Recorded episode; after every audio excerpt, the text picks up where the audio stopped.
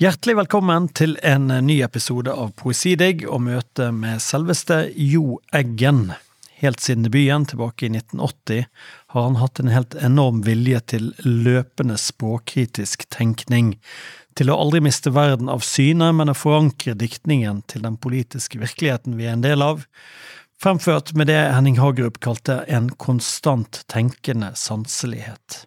Jo Eggen interesserer seg for mellomrommene, ting som vi ofte overser, og gjennom hvert eneste dikt presser det seg en nødvendighet.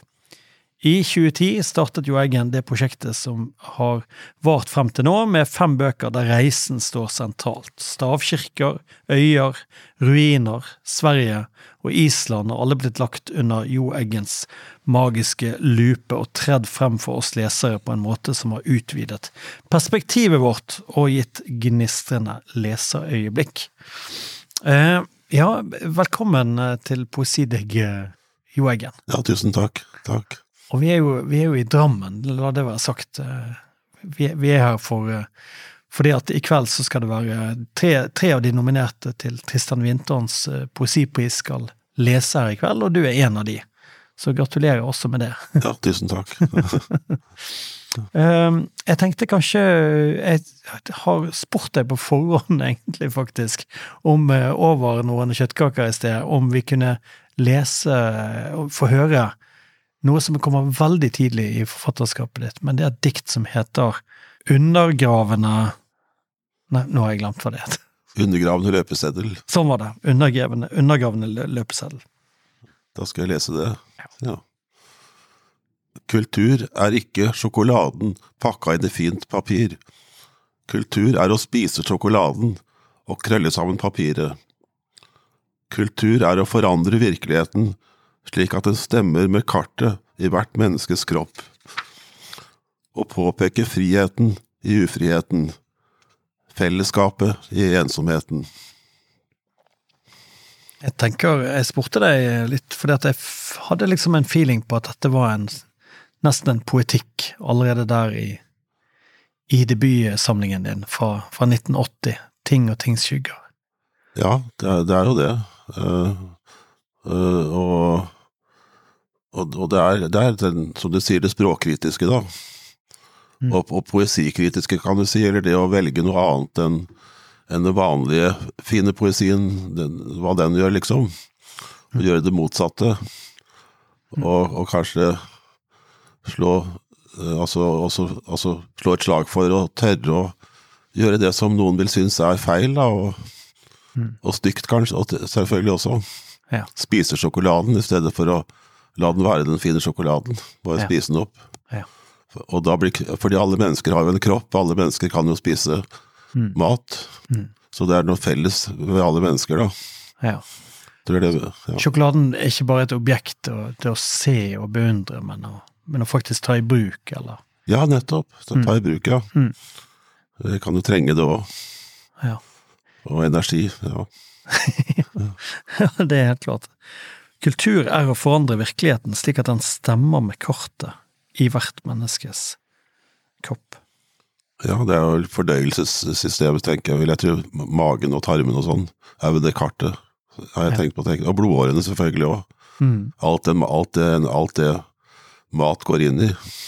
Ja. Men her er det også en aktivistisk holdning, vil jeg nesten si. Altså, kultur er å forandre virkeligheten. Ja, akkurat. Altså ikke beskue den, eller Det er jo også en, en fra dikteren, eller som et statement fra en, fra en ung, fersk dikter. Ja. det er vel også nokså typisk for unge diktere også, det. Å ville forandre virkeligheten. Det kan være det, iallfall. Ja. Og, og du ser virkeligheten rundt deg med nye øyne da, og, og vil forandre den. Og den er feil, og du vil forandre den. Mm. Eh, nå, nå, gikk vi helt tilbake til Det er jo veldig rart, det er jo 43 år siden denne boken kom. Du har gitt ut elleve diktsamlinger som er dine egne eh, siden den gangen, og, og, og, det er jo ikke en overproduksjon, sånn sett. Eh, det er en, det er en, det er en Ja. Det, men vi skal komme litt tilbake til den takten i dette. Men du har også gjort gjendiktninger, som er bare viktig å nevne helt, helt eh, innledningsvis med russe, russere. Ja. Marina Svetajeva og Osip Mandelstam, eh, blant annet. Vil du si litt eh, hvordan du Altså, situasjonen din før debuten og sånn, eh, hvis, hvis vi kan snakke litt om det. Du var jo Du studerte russisk. Ja. Jeg studerte flere altså fremmedspråk, da. Jeg studerte også fransk. Mm. Og jeg studerte litt tsjekkisk også. Og jeg ble veldig fascinert av, av dikt og tekster jeg leste på fremmede språk. Veldig fascinert av det. Det var noe av det viktigste for meg som inspirasjonskilde, da. Ja. Uh, og, og vi leste jo På russisk så leste vi dikt veldig aktivt, vi lærte dem utenat. For å kunne få, fordi vi skulle få vite hvor trykket ligger i russiske ord. Da, da lærte det hva rytmen i diktet, da. Ja. Så, så, så det var eh, Ja, det var veldig gode dikt. Og, altså, så, det var det fremmede. Ja. Det var det på den tida for meg, det fremmede, det som ikke Det var viktig for meg da. Ja. I denne første diktsamlingen din så er du ute og reiser Ja. også en del. Altså allerede der. Vi er så, du er jo en av de store reisedikterne vi har her til lands nå. Eh, Men allerede der i første så legger jeg merke til at du er ute i særlig Øst-Europa Ja. på tur. Eh, Var det, var, det en, var det også en viktig igangsetter for deg, eller var det liksom Var det der det begynte, at du, at du var på i fremmede steder, holdt jeg på å si? ja, og så møtte jeg også forfattere og diktere, da. Mm. På kurs i Øst-Europa, som, som, som var på et spesielt sted der i Slovakia. Møtte jeg flere forfattere, og ble oppmuntra av dem, da. Mm. For de syntes at jeg kunne ha noe å fare med også. Ja. Så jeg ble oppmuntra til, til å skrive, da. Ja. Og, ved også å bli kjent med dikt som de kunne, bringe, de kunne presentere. Så, så det var eh, Det var mye Øst-Europa som var eh, Inspirasjonen kom fra, ja. Mm. Eh, nå er jo det Altså, når denne boken kommer, du får Tarjei Vesaas debutantpris eh, med en gang, og du får lesninger av Jan Erik Vold Mm. i, i, i avisene, og, og det, det ble lagt merke til fra første stund eh, her. Hvordan, hvordan ser norsk poesi ut den, den gangen når du debuterer, på en måte? Ja, skal vi Altså, det var jo Du kan si det var på tampen av den profiltida, kan du si. Den, den gullaldertida som de hadde lagd eller slått, eller slått fast. da. Mm. Og det var en tid da du leste mye dikt, rett og slett. Hvis du var interessert i det, iallfall. Ja. Så, og var ung dikter, så leste du ja, eller bøkene til Jan Erik Vold, da, eller leste bøkene til Einar Økland, og du leste um, bøkene til de før deg. Mm. Hauge, selvsagt. Uh, uh, og Så det er også en del norske dikt, i, også referanser til Olaf Bull, for eksempel, er det jo i denne første boka mi også. Mm. Så det var mye å lese uh, Det var Det var ikke så mye å lansere seg, egentlig. Det var jo Jeg ble jo lansert, jeg da, kan du si, Jan, som du nevner, med Jan Erik Vold.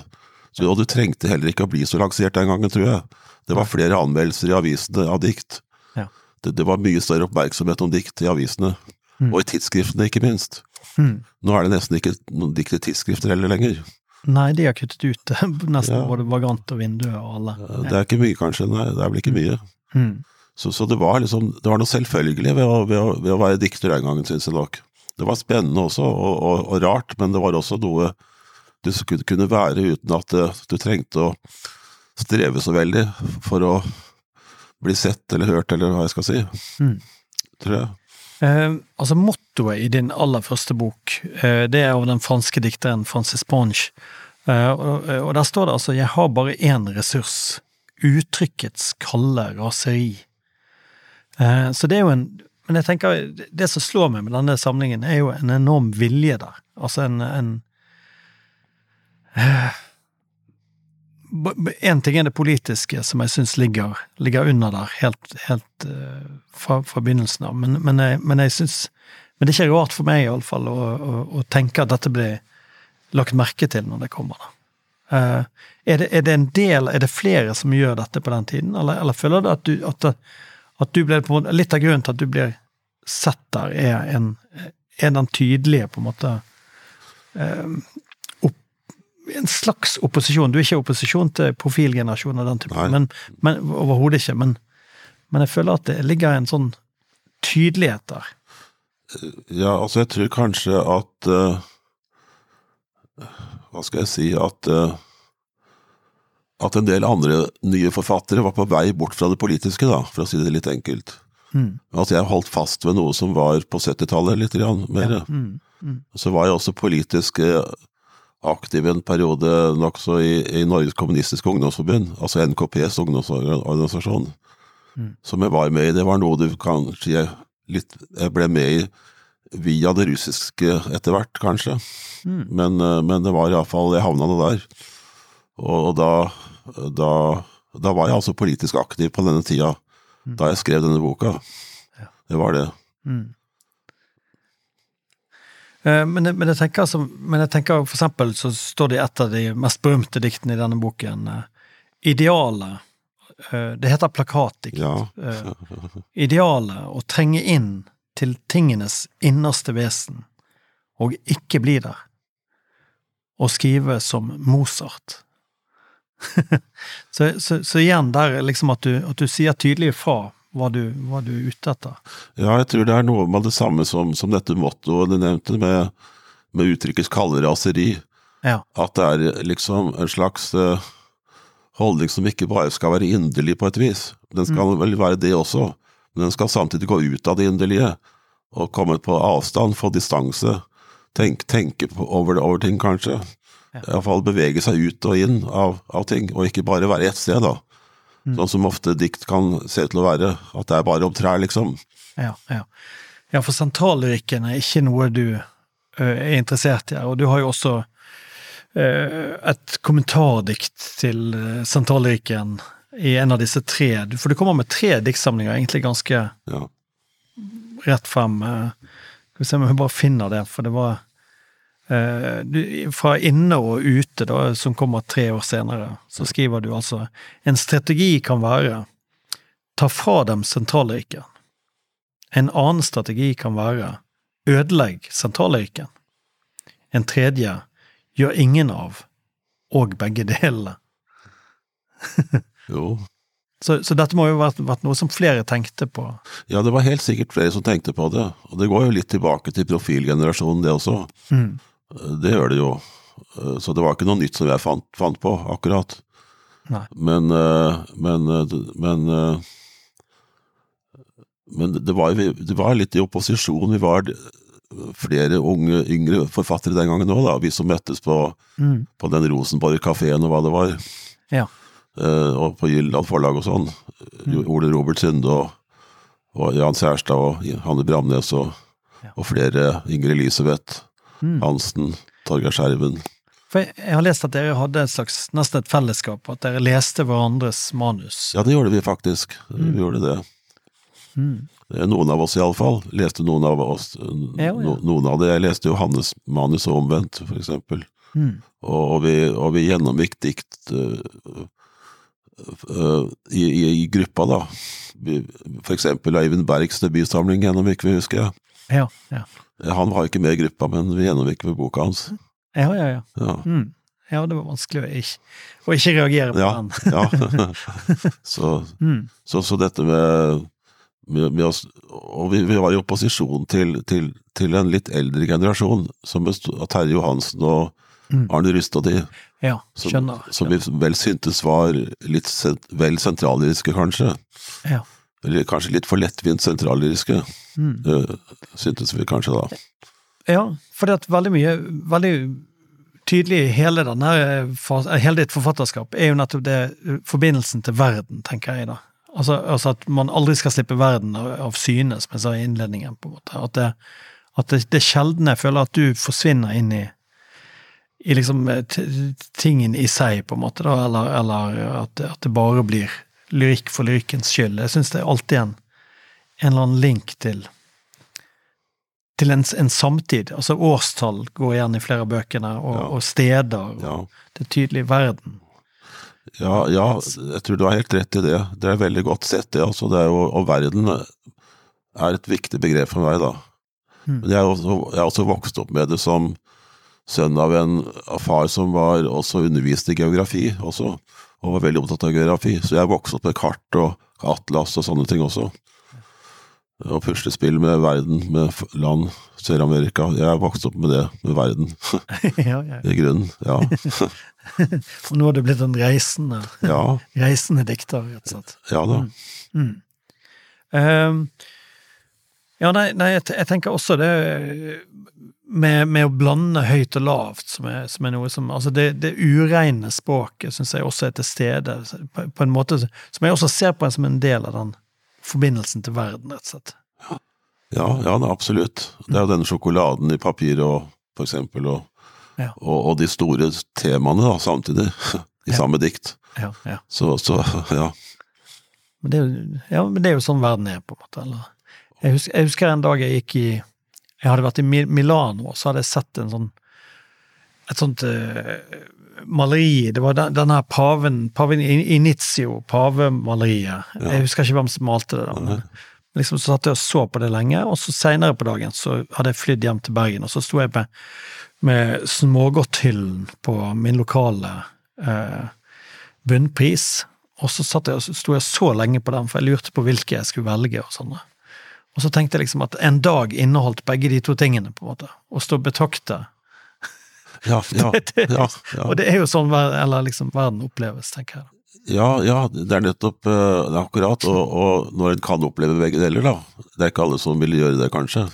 Nei, nei. Men, uh, men uh, nettopp. Og, det er jo en Altså, en forfatter jeg helt klart må være inspirert av, Einar Økland.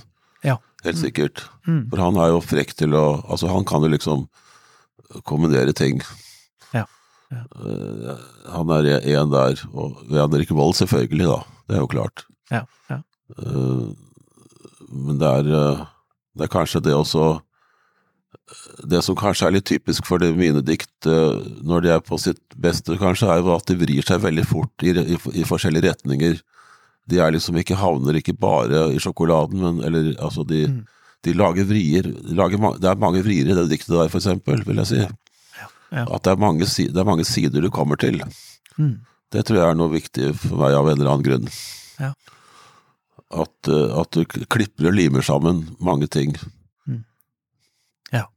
ja da, og, det, og det, selv den tredje boken, da, der var jo det veldig mye nesten sånn hva det heter, ready-mades. Eh, ja. Altså at du hadde satt sammen diktene av ulike stemmer.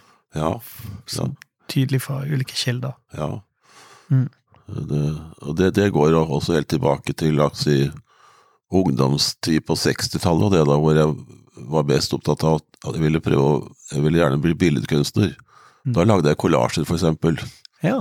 Mm. Og satte sammen avisbiter fra aviser og sånn mm. på, til bilder, da. eller, ja. eller, andre biter. Ja, ja. Så det er noe med den Det som var den gangen òg. Mm. Da jeg var ganske ung, da. Ja. Eh, en morsom ting eh, når jeg, når jeg leste helt, eh, det, en, det, er laget en helt fantastisk bok. Det er Ole Karlsen og de på Hamar der som, har, som lagde en veldig fin bok om ditt forfatterskap uh, i 2016 eller 2017, tror jeg det var. Som jeg har hatt stor glede av å lese. Da. Og I den skriver Jan Erik Vold om ditt forfatterskap, og så gjengir han Han gjengir et brev du da skriver til ditt forlag Gyldendal, av disse tre bøkene, eh, der du altså bryter med, med, med forlaget ditt. Eh.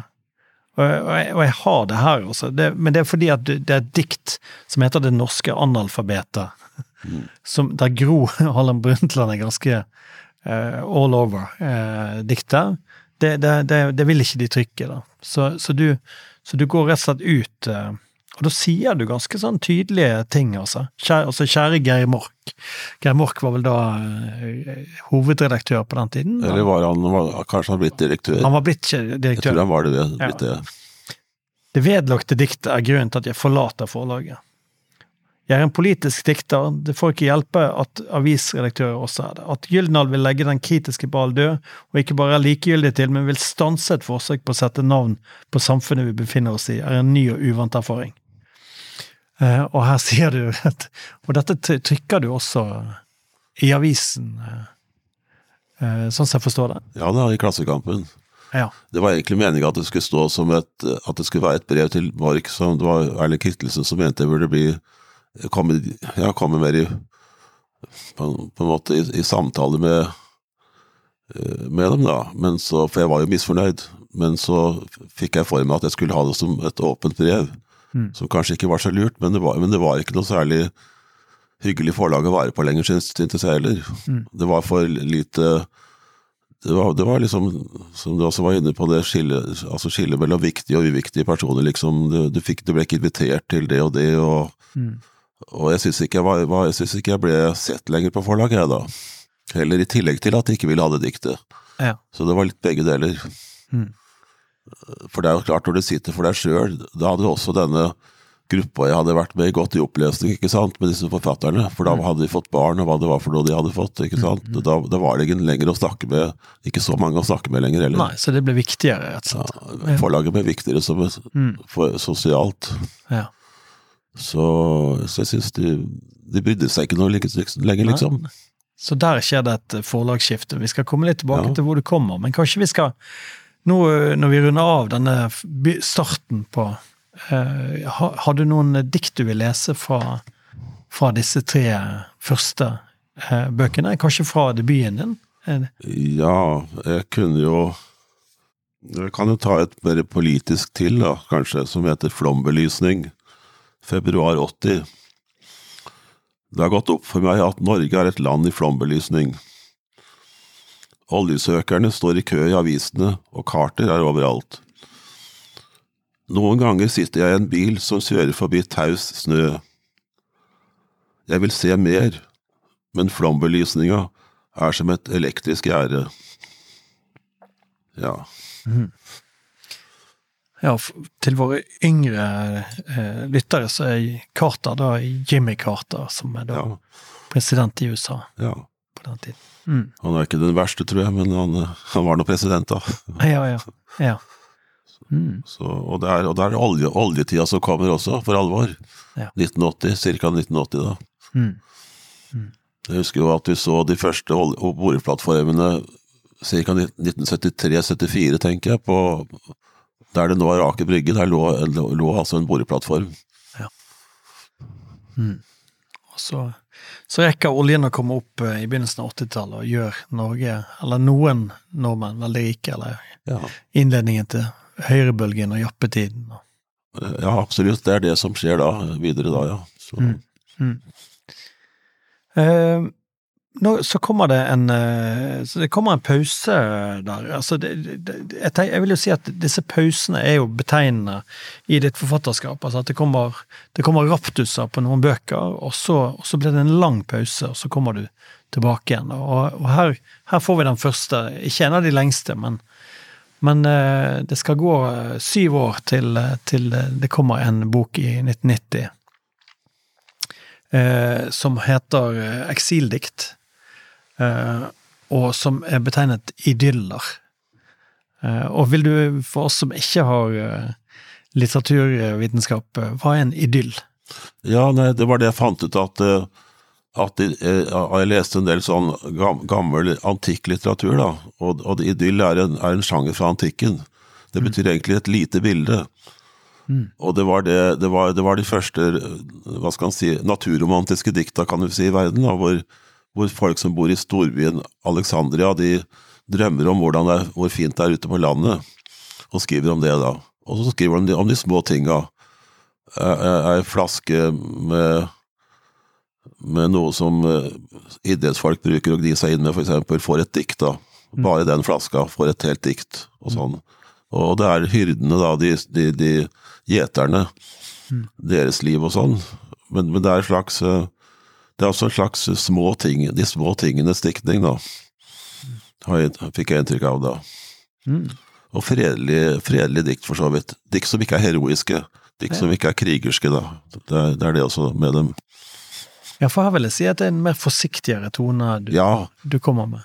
det er en forsiktigere tone. Jeg, jeg tror kanskje det har sammenheng med, med, at, med hvordan tida blei etter hvert, som du sier med jappetid og sånn. Ja. At det politiske ble liksom ikke noe alternativ lenger. Det, det forsvant, liksom.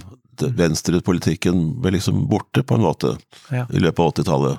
Mm. Og her er det på en måte litt mellom. Det er før Jugoslavia, og det Ja, Altså 1990 ligger Ja. litt sånn mellom murens fall og Jugoslavia. ja, det er noe der, ja. Et lite opphold, en liten fred, fredelig Jo, lite Eller eh, Jo, jo, men samtidig så er det liksom da Det er vel i der boka så nevnes kommunisme på en måte for siste gang, nesten. da, altså Det er, det er stoler som har merka med det spanske kommunistpartiets eh, emblem eller, eller navn, mm, som at, for at de skal bli tatt vare på, at ingen skal ta dem, og at det skal være orden på sakene.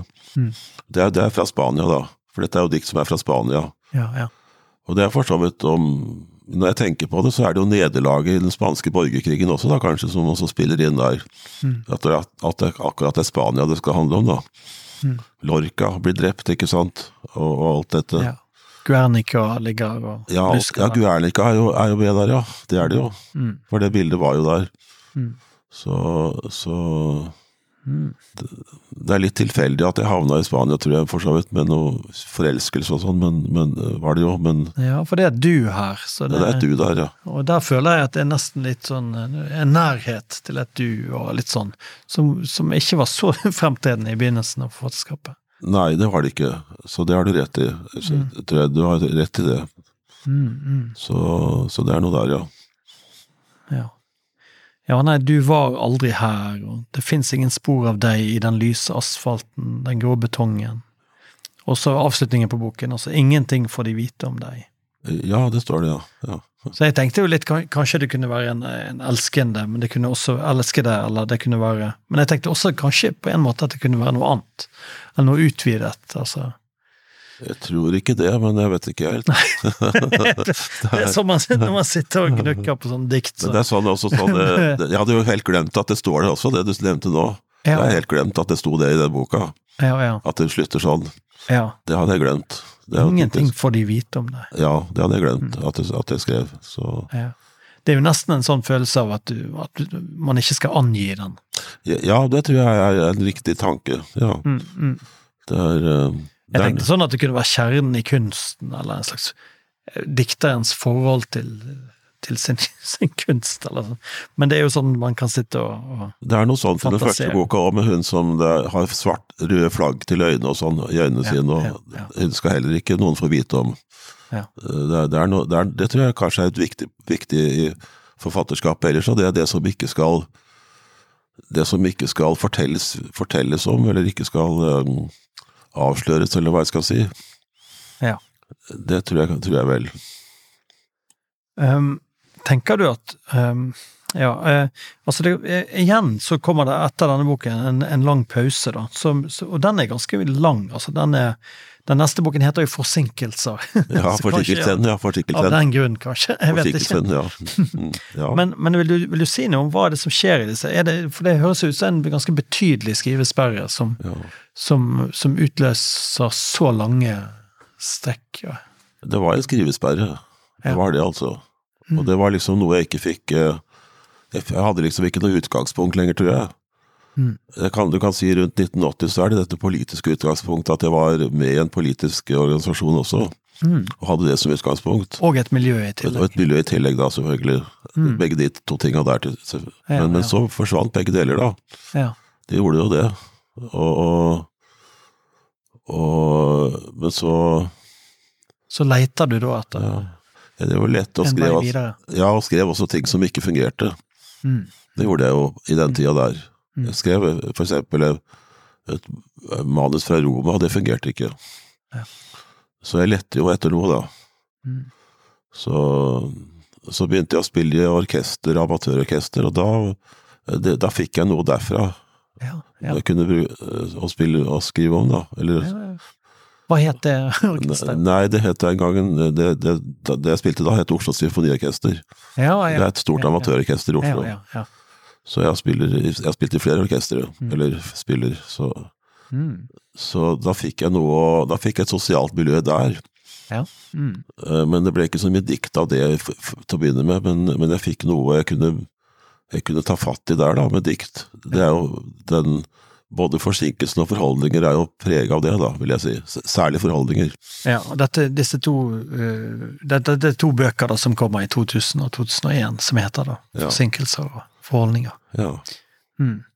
Men det, bare når, siden du nevner musikken der, og sånn, så, må, så kanskje vi skal eh, Det er vanskelig å ikke nevne, nevne den klassiske musikken, som da går igjen som en som eh, et emne for, for, for din diktning helt fra første samling. da. ja. Eh, det, det må ha betydd mye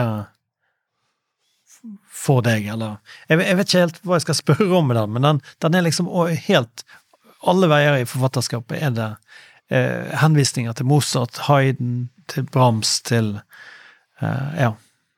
Ja, altså, du kan si at for, mange, altså for de fleste andre forfattere i min generasjon, kanskje, så vil henvisningene være til, til rockemusikk, Mm. i stor grad, vil jeg tro. Mm. Eh, men jeg hadde ikke den henvisningen, jeg hadde ikke det forholdet til det da.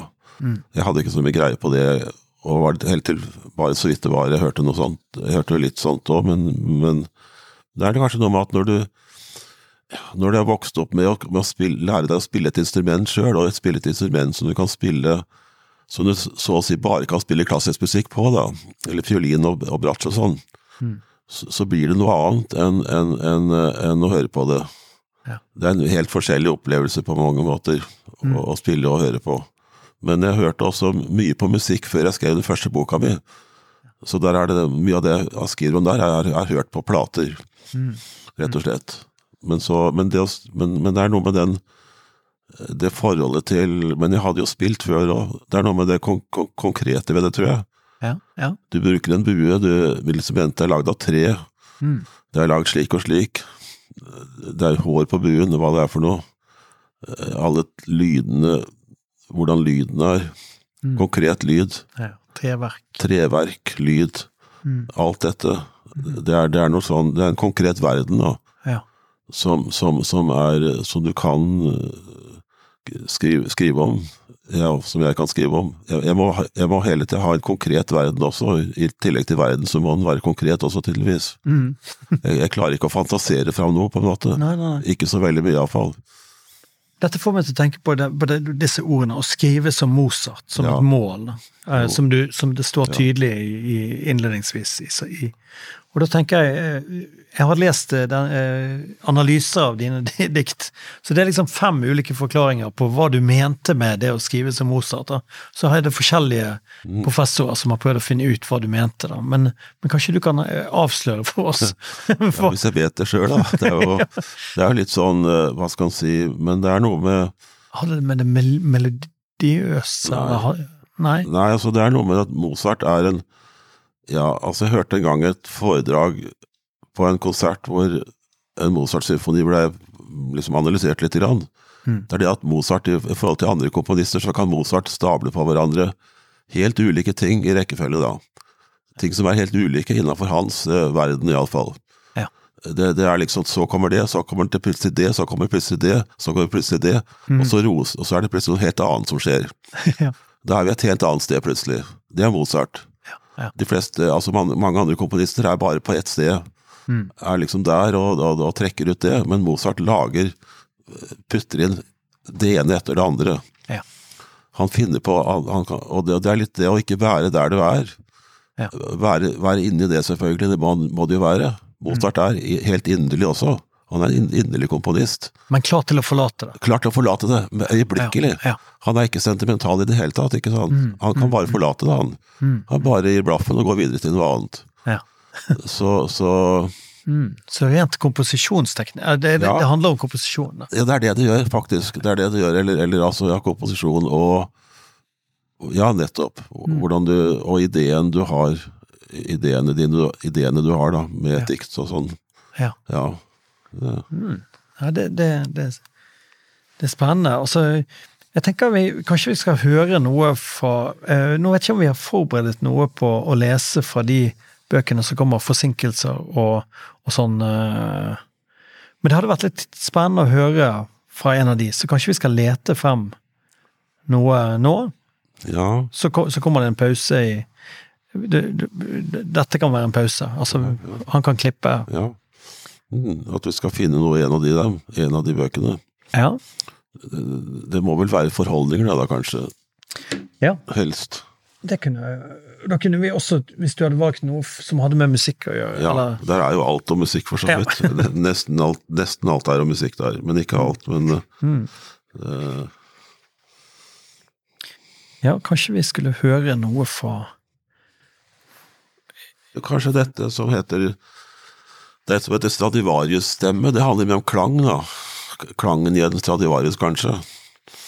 Og stemma til noen, da. Skal vi ta det, kanskje? Det kan vi ta. Eh, Eller prøve.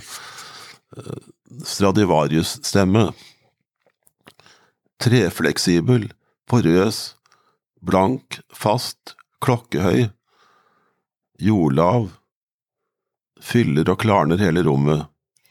En indre latter, muskelsterk, hvitveislett. Fuglene synger og synger som gale. Ta, ta en til, hvis du, Ja, skal vi se du først har jeg åpnet den fine boken.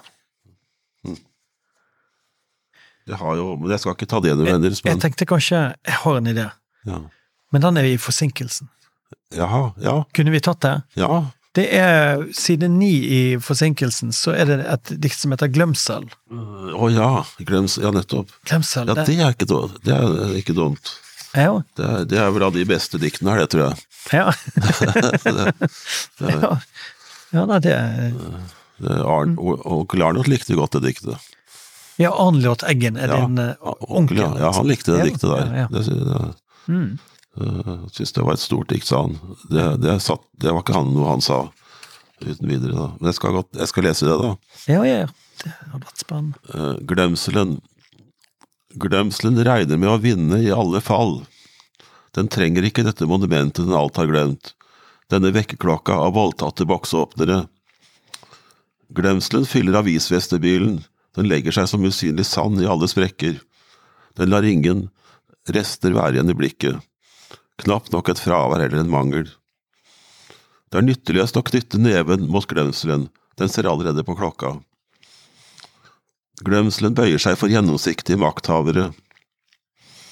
Den er uten bitterhet, den svarer på alt med et skøyeraktig smil. Hvem lengter ikke etter å slippe taket i fikse ideer, infantile ambisjoner?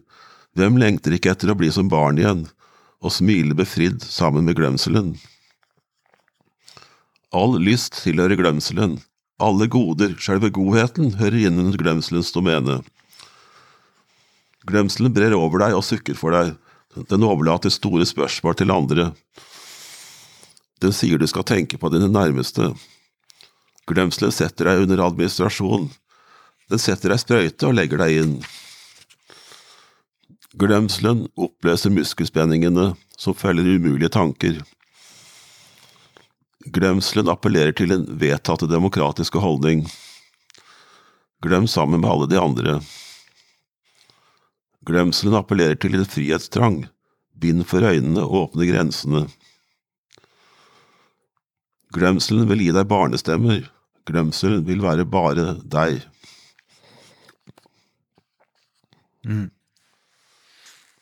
Tusen takk for den. Men jeg tror også bare nevne at dette diktet er jo helt sikkert inspirert av Arne og Eggen, min onkel, da. Ja, Så jeg har også hatt han som inspirasjonskilde og læremester, da. Mm. Jeg har hatt mye kontakt med han også.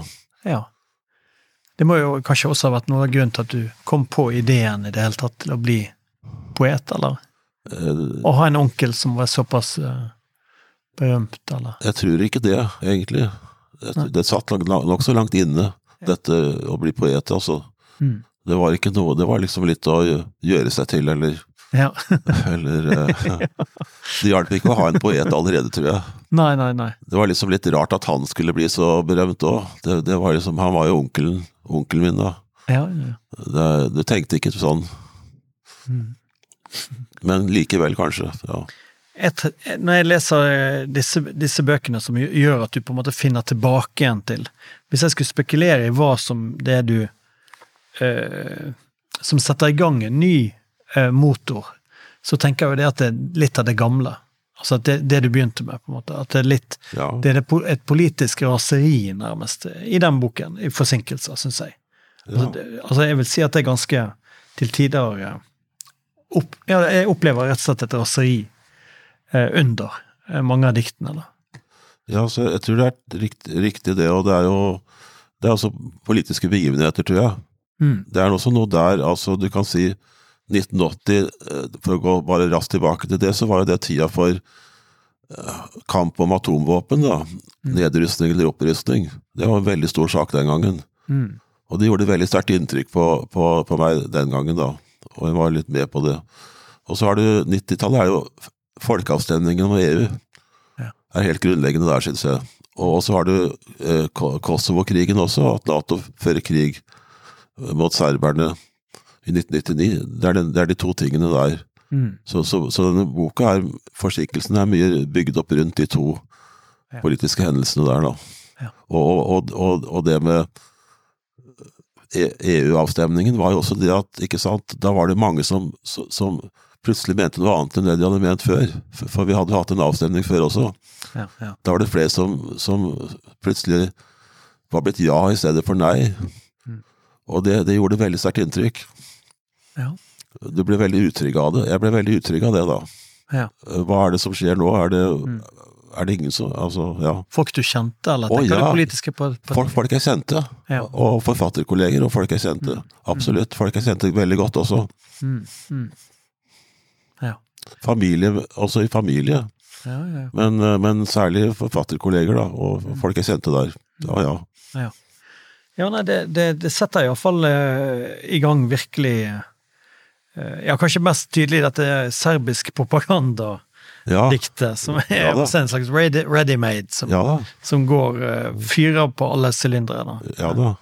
Uh, men, men, uh, men det skal bli med disse to, og så, og så syns jeg vi skal nå begynne å komme frem til disse reisesamlingene, da, som, som rett og slett har åpnet en ny eh, Ny luke i, i kalenderen i, i, din, eh, i ditt forfatterskap. Altså, det er jo Du har skrevet fem samlinger på, på 13 år, eh, så det er liksom eh, nesten en like stor del siste 10 årene, 10-15 årene som, som de 20 foregående årene.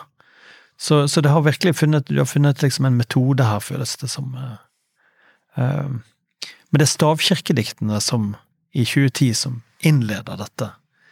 Eh, og, og vil du fortelle litt altså det, det, den, det er jo en Tilsynelatende så virker det som en katalog over norske stavkirker, da. I og med at nesten alle er representert der. Er alle representert? Jeg, savnet Eh, Fantoft, kanskje. Ja, Fantoft, ja. Men den brant jo, Ja. og ble bygd opp igjen. Og, og Jeg det er liksom, den ble jo helt ødelagt. Jeg tenker at Der ville du hatt et dikt med Jo, greven og satanistene jeg, opp. jeg kunne hatt noe om det, da. Jeg kunne hatt noe likevel, selvfølgelig. Det, det har du rett i. Men, jo. Men, men, eh, men eh, tilsynelatende da skal du dekke alle eh, stavkirkene. Men, men så gjør du det kanskje ikke på en eh, katalogmåte, da. På, det, er ikke, det er ikke guide, reiseguiden eh, Jo Eggen som er, som er det er i aller høyeste grad dikteren. da. Eh, vil du, vil, har du lyst til å lese litt fra, fra stavkirkedikt? Ja, jeg kan jo Har du, har du et som kunne passe? Ja, har vi et som kan passe, da? Skal vi se. Uh, hmm.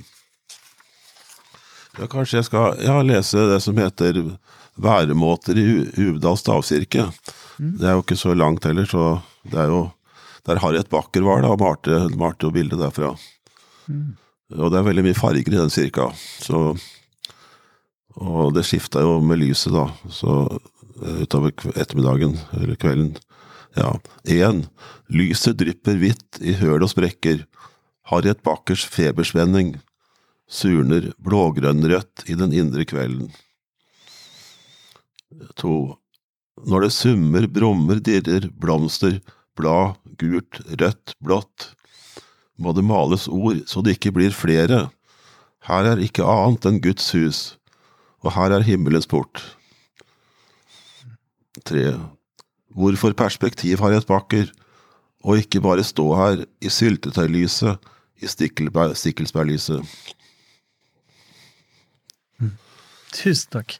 Tusen takk. Eh, At, at liksom, eh, Hva var det som fikk deg inn på denne, denne ideen? Altså, jeg, tenker jo, jeg tenker jo på deg som en kulturradikaler, eller, eller sånn. Og Ja.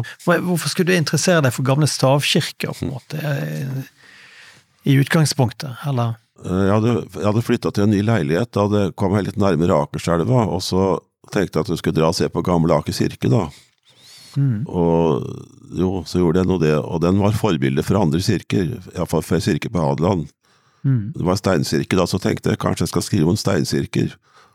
Og så leste jeg også i en gammel kulturhistorie vi hadde, jeg hadde hjemme, eh, Sigrid Undset om stavkirkene og, og, og den, eh, den katolske kulturen på bygdene. da.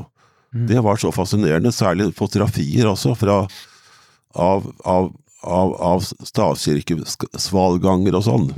Mm. Og, og det var usedvanlig fascinerende. Altså, altså eldgamle svalganger Ja. av tre eh, med, med små glugger og sånn. Mm. Eller, eller, eller interiør med små benker fra middelalderen. Ja. Det syns jeg var svært fascinerende. Ja. Så det vil jeg gjerne se sjøl, da. Men tenkte du allerede da at du hadde, at det ville utløse poetisk stoff, på en måte? Nei, så, så var jeg på Dette var vel kanskje litt parallelt, at jeg leste Grundset og, og sånn, og så på den steinsirka steinkirka først, da.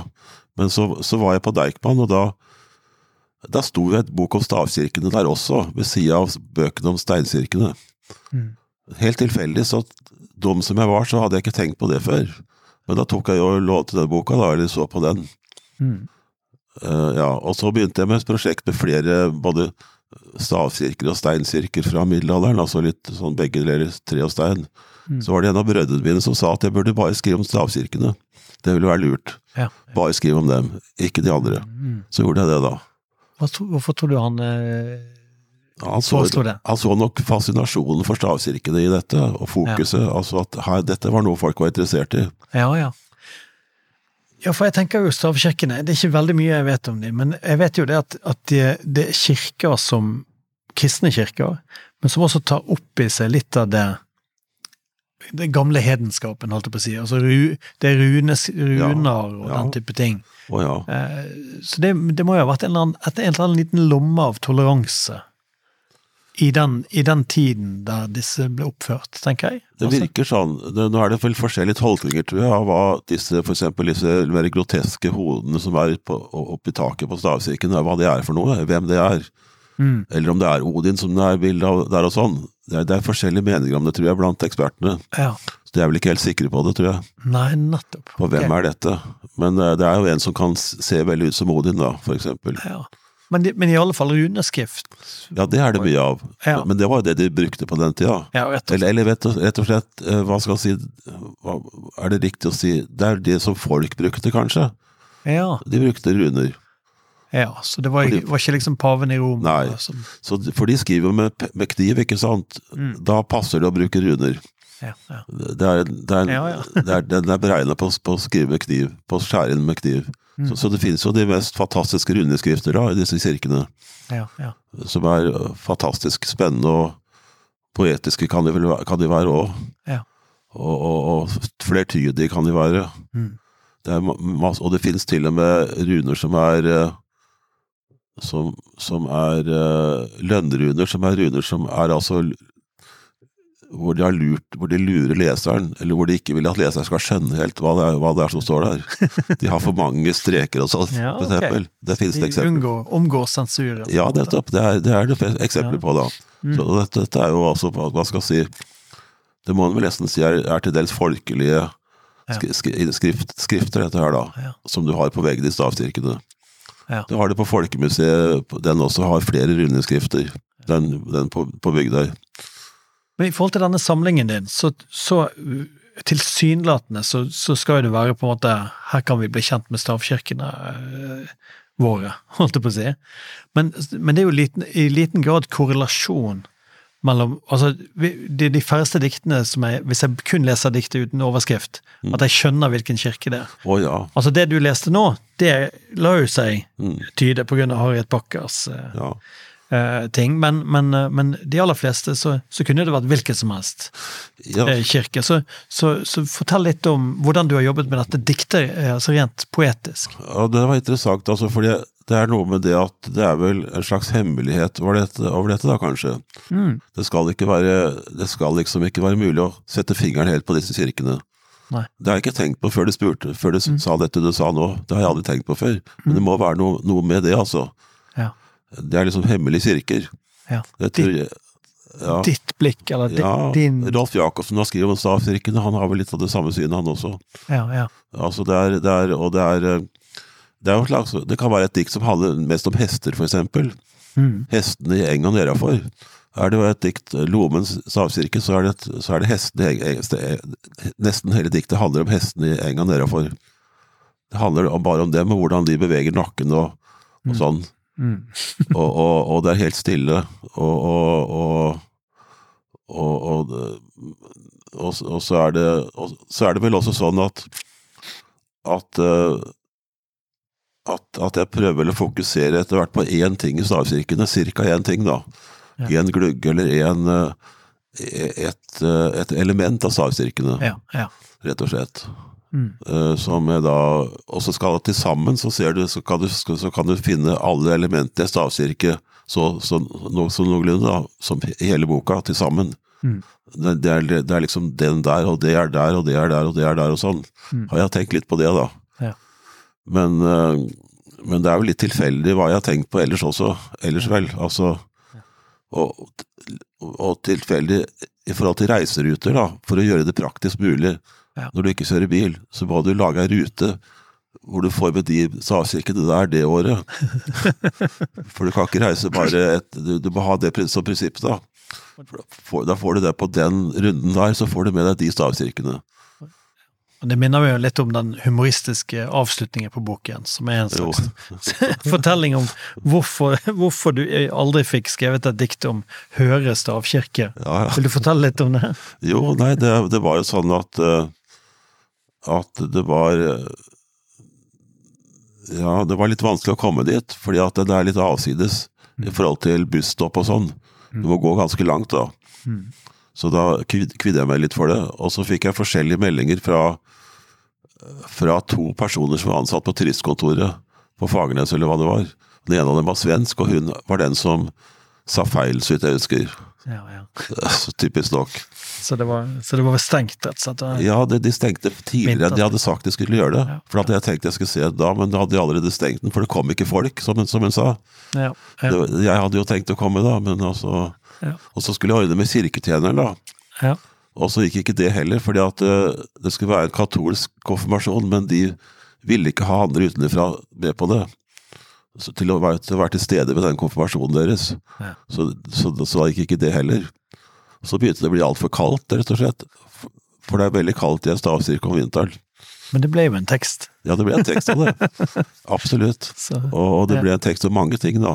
Torstein Veblen også, han eh, amerikansk-norske sosiologen, var jo, var, var jo derfra. ja, ja, ja. Han var jo fra Høyre, han da. ja. Og Men det ble jo en veldig Det var jo virkelig en, en bok som ble lagt merke til, og, og til og med oversatt til svensk av, av Ann Gederlund, da, som er en av de største svenske dikterne. ja, absolutt. Så, så den eh, men, men så fikk du litt sånn Ble du litt Følte du at du hadde funnet en metode her? For det, jeg tenker jo det at Jo Eggens diktning, sånn som jeg ser den opp til der, har jo alltid vært opptatt av verden og blitt fascinert av verden, eller på en måte fått poesi ut av verden. Så jeg tenker det må jo være en eh, det må, Du må jo ha sett kimen til en metode her. Eh, når du går videre på, på øydiktet, som da blir den neste reiseboken. Ja, Eller Eller eh, eh, hvordan eh, jo, jeg tror, det, jeg, tror det, jeg tror det er som du sier, det blir en metode, ja. Mm. Og, og metoden består vel i å også i å reise til helt til forskjellige steder som Mm. ikke har noe kontakt med hverandre omtrent, liksom, heller nødvendigvis, da. Ikke nødvendigvis, ikke klart iallfall, men altså reise rundt, reise rundt, rett og slett. Mm. Fra sted til sted. Mm. Og, og, og skrive om det, som er, om det stedet, om det som er der, på det stedet. Uansett hva det er for noe, på en måte. Ikke sant? Ja.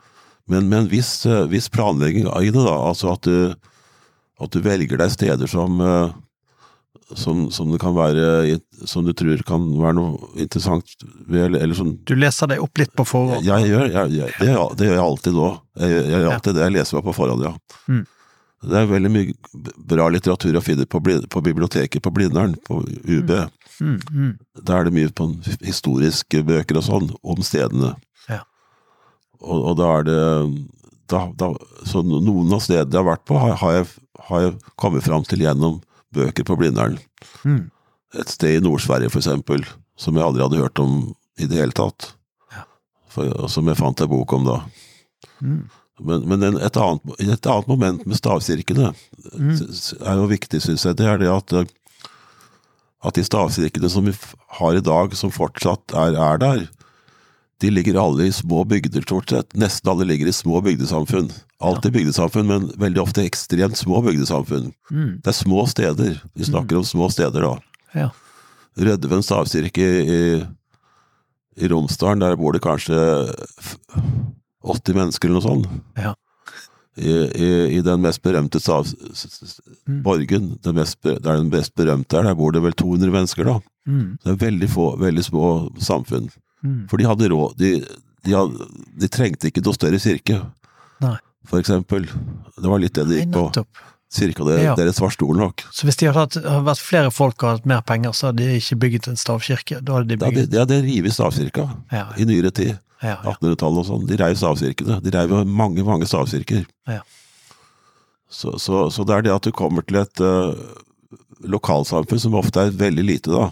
Mm. Det er det du gjør når du skriver om stavkirkene. Mm. Er, uh, Ja. og og da, da blir det kanskje det å velge det videre, da. Det er litt, litt av det prinsippet jeg har valgt i, Mm. i andre bøker også her. I øy, Mm. Til dels i øydikt er det litt begge, det er litt begge deler der, da. Det er det jo absolutt. Ja. Der er det jo også store byer. Mm. Men videre da, deretter så er det stort sett bare små steder. Ja. Dikta fra Sverige, det er bare små steder. Eller stort sett. Ganske stort sett, da. ja. I øydikt, eh, der er det litt større steder også, men eh, Ja. Eh, og der reiser du Eller det er iallfall det, det jeg husker best av boken, er jo Irland-skildringene. Og, og, ja. og der lurte jeg også på om vi kunne ta opp boken og, og få høre litt fra uh, Det var ett fra Londonderry vi snakket om litt, Ja. Ja, nettopp. som kanskje kan si litt om det Det at eh, det politiske blikket er på en måte med deg også inn i disse reisebøkene. Ja, nettopp. Jo. Ja, da skal jeg lese det. Du er i London, Derry. Nei, i Derry. Nei, i Til minne om Ola Bauer, Arnold Eggen og andre yrkesdemonstranter. Londonderry er koloninavn som Leopoldville, London-kjøpmennenes by. Deres festning, deres katedral, deres turistvideo. Men nei, You are in Craigan now, vennlig og uten sir. Du er blant folk. De står utafor de små butikkene og pubene. Barn og voksne, tidlig lørdagskveld. Bratt opp fra Bogside, der back-to-back houses fortsatt vifter ut bittersøt kølerøyk, arbeiderklasseøyer, forsvunne skjortefabrikker, og alt som skjedde ned mot Rossfield Street igjen, følger ruta demonstrasjonstoget tok med bekker av folk i tverrgatene nedover. Dit fallskjermsoldatene hoppa ut av de pansra bilene. Veggmaleriene, Bernadette Evelyn, presten som bærer gutten, ullteppefangene som gigantiske svart-hvitt-fotografier, bleik sorg og vrede. Vi måtte krype rundt puben, de så på oss som afghanere. Tøft i Norge nå, med Breivik sa han jeg møtte med ved Glenfather Park. Et hånlig navn, ingen trær å gjemme seg bak.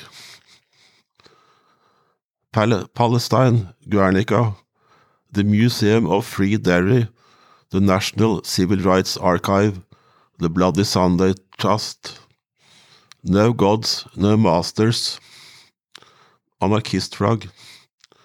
You are now entering Free Derry. Glenfather Park, der ungdommene søkte tilflukt. Ingenting å gjemme seg bak, en liten betongfirkant. Oktober 1968 køller og vannkanoner. August 1969 Battle of the Bogside. 31. i 1.72 Ny nordisk uro. 13 demonstranter drept. Etter 60-åra med en narrevelferdsstat, der flertallet Derry var i mindretall. Hager og parklandskap på protestantsida fortsatt. Og Aftenposten ga det ikke intervjue noen borgerrettsfolk, men skreiv av etter BBC, som skreiv av etter øverstkommanderende. Og det tok 30 år før sannheten kom til London, ikke Derry. De unge var nesten blitt gamle, og de gamle var borte. Og der gata tar inn mot byens sentrum, står politiet med maskinpistoler i april 2012, nøyaktig der de sperra veien for dem i 1972. Ja, det er Det er veldig tydelig, tydelig dikt. Tydelig politisk. Mm. Nå, nå, er jo dette veldig spesielt i samlingen, da. Eller? Ja. Altså, det, det står, står ut. Det gjør det. Um, men, men sterkt å lese, og, og, og hele denne irenes kol koloniale fortid er veldig, veldig tydelig i hele I de avdelingene som handler om Irland. Ja, ja, ja nettopp. Det er, mm. det er jo veldig sterk historie, da. Det er jo Og så var vi jo Det er jo ikke så viktig hva jeg, hva jeg mente, men, men, vi var jo Vi opplevde dette på fjernsyn da jeg var barn, eller, eller ungdom. Mm. Unnskyld, men jeg mener ungdom. Mm. Det var noe av det vi så på fjernsyn hele tida, ikke sant? Ja. Bernadette Devlin og borgerrettsdemonstranten i Nord-Irland. Mm. Mm. Så, så Og ja. Men det er iallfall en av de tingene som kan oppstå ut ifra disse reisene, da. Altså at du, at du, kommer inn i konfliktområdene. Ja, ja. Um, mm. uh, men det er klart at, at ja, ruindikt uh, følger, følger, opp, og, og der kommer jo det en fin sånn uh, trilogi, eller det ble utgitt som en I forbindelse med din 70-årsdag, var det det? Ja, det var det. ja. Så kom det en, en med nydelig etterord av Monica Aaspong. Ja. Mm -hmm. og så hadde de to siste diktsamlingene er altså dikt om Sverige og islandske dikt som, eh, som er, de, er, de, to aller siste. Da. Og vi kunne jo brukt veldig, veldig lang tid på Som sagt, vi kunne jo eh, Det har jo vært seminarer på ditt forfatterskap som har vart i dagevis, så det, det, det, spørs hva vi rekker på, på, på disse her, da. Men, eh, men jeg, jeg, noe av det Monica skrev om i det etterordet, var jo også det at du ikke eh, det, det, det blir på en måte vanskelig å vite Altså, hva, hva er Jo Eggens eh, tanker om det svenske folkhemmet og ståa i Sverige i dag? Det får vi vi, vi blir aldri helt sikre på det. Det er noe paradoks, paradoksalt. Ja. Mm. Det er noe litt ubestemmelig. Det er litt sånn Det, det blir aldri sånn rent programdiktning, eh, noen av disse bøkene. Eh, nå var kanskje det ikke så betegnende, det vi nettopp leste, da, men det er jo det er interessant det med det er akkurat sånn jeg opplever det også med Sverige og, og det svenske prosjektet, da, med dette store sosialdemokratiske prosjektet der, så, så blir noe, en blir jo gjerne litt ambivalent i forhold til det. Hvis en setter seg inn i det da, og leser mer forskjellige kilder om, om det. Mm. For det er jo også basert på beinhard effektivitet, da, altså på at, på at du har en industristat som som, som, får enorme muligheter etter annen verdenskrig, fordi andre, andre industrier er ødelagt til dels. Mm. De, har, de, kan jo bare produsere så mye de bare vil. Mm. Så flytter de befolkningen ned til dit industriene er, vil være da, ja. og tømmer store mm. områder for folk, så å si. Mm. Uh, så det er, effektivitet var et, var et sånn, hva skal man si, gyllent ord for sosialdemokratene. Mm. De, var, de, var, de var der. Så, så, og og de har, de har gjort mye De har ødelagt mye svenske byer og sånn. Bygd mm. veldig stygg, veldig stygg bevegelse, veldig stygge, stygge bygninger. Ja. Kjedelige og stygge bygninger. Mm. Som også tar bort mye av livet i en by, da. Det er litt sånn som Men jeg tror det er en viktig ting, er det mm. at, mm. at at du kan lett havne i det motsatte også. Jeg tror det som er det som jeg kanskje prøver å unngå i mitt forfatterskap, og det er veldig fint at du poengterer det politiske, da, det er å unngå det søtladende på et vis. Altså at nå skal vi være, ha det koselig, liksom. Ja. Vi skal ha gamle trehus, det er koselige saker. Mm, mm. Det var jo selvfølgelig ikke det for de som bodde der nødvendigvis, da. Hvis ikke de, hvis de bodde nederst i trehuset, liksom. Ja. Så de, Ja. de hadde ekstremt dårlige boforhold i Sverige, Mm. før, før sosialdemokratene fikk gjort noe med det. Mm. De, var, de var altså ekstremt dårlige i forhold til de fleste land rundt seg. I forhold til tyske tyske arbeidere, engelske arbeidere, norske, så- også kanskje danske. Så, så svenskene bodde dårligere. Mm. Det gjorde det. Ja. Så liksom det der å motvirke idealisering, kanskje, altså motvirke det der med Altså det hele tiden, det må, det må være helt noe skarpt hele tida, vil jeg tro, Mm. i dikt. Ellers så blir det bare noe sånn Ellers så blir tankene borte, på, en, på et vis. Ja. Altså Politikere snakker jo, prøver å snakke uten noe skarpt, ikke sant. De prøver å, å bare snakke, over, snakke glatt over ting. Mm. Det vil jeg si de driver med. Bruker aldri sterke ord, aldri for sterke ord, hvis ikke de har, kan tjene på det, da. Det kan noen gjøre òg, men selvfølgelig. Mm. Det er jo høyre ekstremister tjener jo, kan jo komme fram da, fordi Mm. de bruker sterke ord. Ja. ja, nettopp. Ja, Øh, jeg tenker øh, Nei, det, det er viktig, viktig øh, påpeket, det, altså. At det, at det Jeg syns på en måte du åpner opp eh, disse landskapene, for meg iallfall, på, på måter som er uventet, da. Altså at jeg, at jeg ikke hvis jeg, hvis jeg leser, hvis jeg ser at Nå kommer jo jeg med en ny bok som heter Dikt om Sverige, så tenker jeg ja, ok. Jeg, jeg vet jo litt om Sverige fra før, så jeg har bodd der et par år. og Ja, sånn. ja, ja. Men, det, men det kommer noe helt annet, noe uventet, da. Så det skal du ha, at, at det virkelig Syns du det? Det gjør det?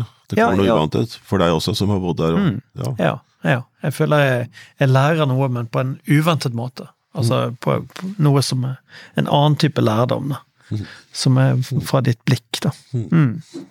Um, hvordan, eh, når det gjelder den eh, ha, altså Det islandske dikt kom jo ut eh, og, og fikk fin, flotte anmeldelser nå. Det var jo i fjor, sant? ja. Uh, og det er kanskje den du skal lese fra senere i dag, eller? Jo. Ja. Uh, og, men vil du fortelle litt om, om den boken? For her, her syns jeg at du Her er det noe rart og fremmed som dukker opp inni her, som, som, jeg, som jeg innbiller meg må ha noe med eh, islandske eh, må... eh, for, ja, kanskje du kan forklare det best sjøl? Ja, tenker Rett- du på, på uttrykksmåter? ja, uttrykksmåter og, og liksom form, og det virker Ja. som noe litt sånn gammel islandsk eh, Ikke fortellertradisjon, men du skjønner litt Jo, altså det er jo, det er jo interessant, fordi at jeg, jeg har jo jeg, jeg lest, Etter hvert så leste jeg en, en ganske mange gamle islandske dikt. Altså, det er jo enormt mange av dem. Altså, Det er en stor dikternasjon som, som virkelig har lagd dikt, altså, islendingene. De, er en av de, store, de må være en av de store dikternasjonene. Og de, de har jo en sammenhengende dikterkultur på tusen år og sånn. Ja. Og, og det, er, de er dikting på høyt nivå i veldig stor grad, altså. Og, og det kom jeg borti etter hvert, ikke sant, gjennom å være der og, og forberede meg på å dra dit og sånn, så kom jeg borti dette etter hvert mer med å lese islandske skaldedikt, Mm. som jo er en veldig vanskelig form å bruke, da. Den er krevende form, skalledikten. Mm. Det er, det er store krav til skalledikt. Formelle krav, da. Ja. Og islendingene liker formelle krav i dikt, eh, har iallfall gjort det tidligere i tider, så de har, det har vært en slags sport å skrive dikt på Island. Mm. Og de ble jo også De overtok jo hele markedet som skaller i Norge også, utover i norrøn tid. De, Ja, okay. ok. norske, skaldere forsvant, for de kunne ikke konkurrere med islendingene. Så man importerte heller Ja, De hadde importert islandske skalder. ja, ja, De var bedre, rett og slett. De, de, hadde, de, hadde, de kunne dette bedre. ja, For det var ikke så lett, det var et vanskelig fag å kunne. ja, ja. Så selvfølgelig så ble, gjorde det at de, de hadde muligheten, de som drev med det, for de, kunne, de hadde en slags beskytta virksomhet som ikke, ikke hvem som helst kunne drive med. Så, men, men, eh, men altså de Og så har de da groteske, merkelige bilder da, i diktene, og veldig vanskelige metaforer, vanskelige bilder. Ja.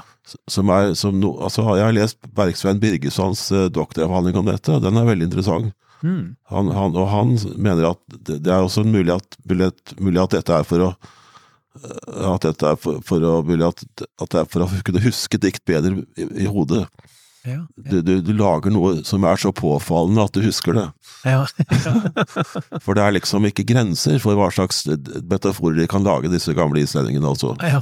ja. Og, og de er plassert på kryss og tvers og, og, og, og, og hulter til bulter i diktet også. Så, så det er også lagd, lagd vanskeligheter der også for å, å, å kunne forstå det, Ja. Rett og slett. Det er, det er helt utrolig. Det er helt umulig å skjønne det. Når du bare ser et dikt, så er det umulig å skjønne det. Ja. Islendingene i dag må også ha de må ha forklaring nederst på sida Ja. av, av skaldediktet. For det, er altså, islandske sagaer inneholder alltid skaldedikt, stort sett. Ja. Det, er, det er liksom en del av kilden det, da, til, til, til hva som skjedde. Og, og, så så er det rett og slett dukker opp skalder som sier det og det. Og de kan være både kvinner, det er både kvinner og menn også. Ja. Det er mange kvinnelige skalder. Ja. Det diktet du hadde tenkt å lese fra denne, det var, det var jo om Egil. Egil, ja. Og det er Egil Skallagrimson. Ja, det er Egil Ja, ja. Ja. Som for øvrig også Gu- Gunhild Øyehaug har, Ja. har laget en bok om. Da Dra en, eh, et skuespill om, eh, faktisk, nå, som også kom i 2023. Nettopp, det stemmer det. Så, så men kanskje vi skal høre det, da? Ja, nå skal vi se Ta nå. oss med til Island. Det spørs om jeg da skal lese hele diktet, kanskje, da, hvis jeg skal, for det begynner jo med det begyn- Diktet begynner med, det, med noen sånne sitater fra, fra Egil. Ja, Som, det er som fint. er, som, er, eh, som, er, altså, som jeg delvis har gjendikta, og delvis har jeg vridd, vridd litt på det, både til dels. Mm. Eller gjort, men det er altså stort sett bare, bare bilder som betyr dikt, diktning, da. Det er bilder som, som betyr Som er, eh, som er bildet for diktning. Ja. Altså at eh, Bragefingre, det er jo Brage er diktegud, dikteguden. Og, og hvis ørnekjeften skal sikre såkornet ditt, så er ørnekjeften Odin som har stjålet Suttungs bjød fra, fra, fra jotnene, da. Mm. Og, og Suttungs bjød er hovedmetaforen for dikt på Island, er Suttungs bjød. Ja, ja, ja. Det, det er der det kommer fra. Det er en slags en mjød Mm. som består av både blod og honning og sånn. Blod til verdens klokeste mann, Ja. og honning, og, og det er alkohol, selvfølgelig. Ja, ja, ja. Alkoholholdig, selvfølgelig. Kjenn igjen det. Eh, Så da skal, skal jeg se Så ja, skal jeg lese det, diktet Egil, da. Jeg var jo der, der, der Egil bodde. Det, det, det, Borgarnes. Ved Borgarfjorden, da. Der bodde han jo. Ja. Egil. Bragefingre, diktfingre, de får bare prøve seg. Men der hardingen trør tun, skal ørnekjeft lenge sikre såkornet ditt. Blomgjøden din skal regne søtt, langhårsfoss i ørenes munner. Havet i vindfars strandsinn boble. Trollkvinne og bjørnemåne tenke seg vindfjern. Raseriet slumrer i lumske sprekker, gode kriger. Eller du står der i Egilsgata, i Egils gate, Egils asfalt, bygda hans. Du er, der lyser grått som ingenting uvanlig, et rolig gateblikk. Til dette er du kommet langt tilbake, bort. Er bortkommen hjem. Til regndrypp, snev av kulde, isstikk, i hjertet av dette du kom til. Usynlig gløtt av fjord, bak få hus, nesten ingen sjel her. Men over fjorden, lysegrønn mjød spydd bort under fjellets krone, som kniper fram Egils øyenbryn, over hundebryne, sølvøyne. Diktet spruter ut av. Ordet høvler mørket trehvitt, lavastup med lavastup, kvinnenes ullseilfolder, skrekkhjelmen skurker skallen, glipper fram verden. Et grått ingenfjes, et grått ingenord. Luner lysende grønt nedi, og mørkegrønn sol av gras i bunnen. Som da det begynte på nytt igjen, og det var derfor de kom hit, kom de til ingenting. Gullblomst, gulmaure, mot steinete tang, kom til tomme deg og Egil. Tusen takk, eh, Jo Eggen. Eh, Ja, jeg tror vi har kommet eh, Vi har, sittet her langt over tiden. Det har vært så interessant å, å høre, høre fra deg og, og dette her. Og har du på en måte funnet din metode? Får vi Det blir liksom en sånn endeløs rekke nå med, med reise, ulike reiser, eller Føler du at, at er Eller har du flere planlagt eh, nå? Kan jeg spørre om det? Jeg har det. Jeg har en planlagt til, og det er, det er Ålandsøyene. Ja. For det er det, det motsatte av Island på et vis. da. Det er jo en helt annen form for uh, sted. Ja. Altså mellom Finland og Sverige. Ja, ja, ja. Det er liksom uh, altså 6000 øyer. Mm. Så det er liksom de små Ja, de, de små, sted, små øyene. Uh, Island er jo monumentalt, på, på et vis, kan du si. Ja. Men Åland er ikke Åland er de små På en måte idyllisk. Samtidig er det krigsruiner der, for det har vært veldig strategisk viktig krigsområde, eh, militært område da. Ja. Men derfor er det også demilitarisert, så det er blitt eh, gjennom en gammel avtale. Ja. Så de har ikke lov å drive med virksom, militær virksomhet på Åland. Ja. Det er demilitarisert. Og det er sjølstyrt også. Ja, Det er et fantastisk sted også. Helt fantastisk. Og de har også uh, verdens flotteste gamle seilskip. Mm. Altså sånn uh, frakteseilskip. Et skikkelig, ordentlig frakteseilskip. Mm. Som er det eneste godt bevart i hele verden, tror jeg. Ja. Det ligger jo der. Pommeren Pommern heter det. Ja, ja, ja. Og det, det er et fantastisk skip. Mm. Også, altså, altså, og de har også et fantastisk sjøfartsmuseum. Ja. Og, og det, er, det er noe helt annet enn Det er en annen det er, en, Ja, det er virkelig noe annet enn Island. ja, ja. Men ja, Det blir spennende. ja, vi får se. Ja, men da takker vi for, for besøket, og så eh, ja, takker eh, Norsk kulturråd og Bergen kommune, som er de som har gitt penger til prosjektet, og til Martin Nordli og, Bergen, og Drammen eh, bibliotek her, som har satt opp fint studio til oss. Så da er det bare å forberede seg til kvelden og, og kvelds opplesning, jo. Ja. Takk for nå. Tusen takk. Tusen takk skal du ha. Kjempefint. Takk.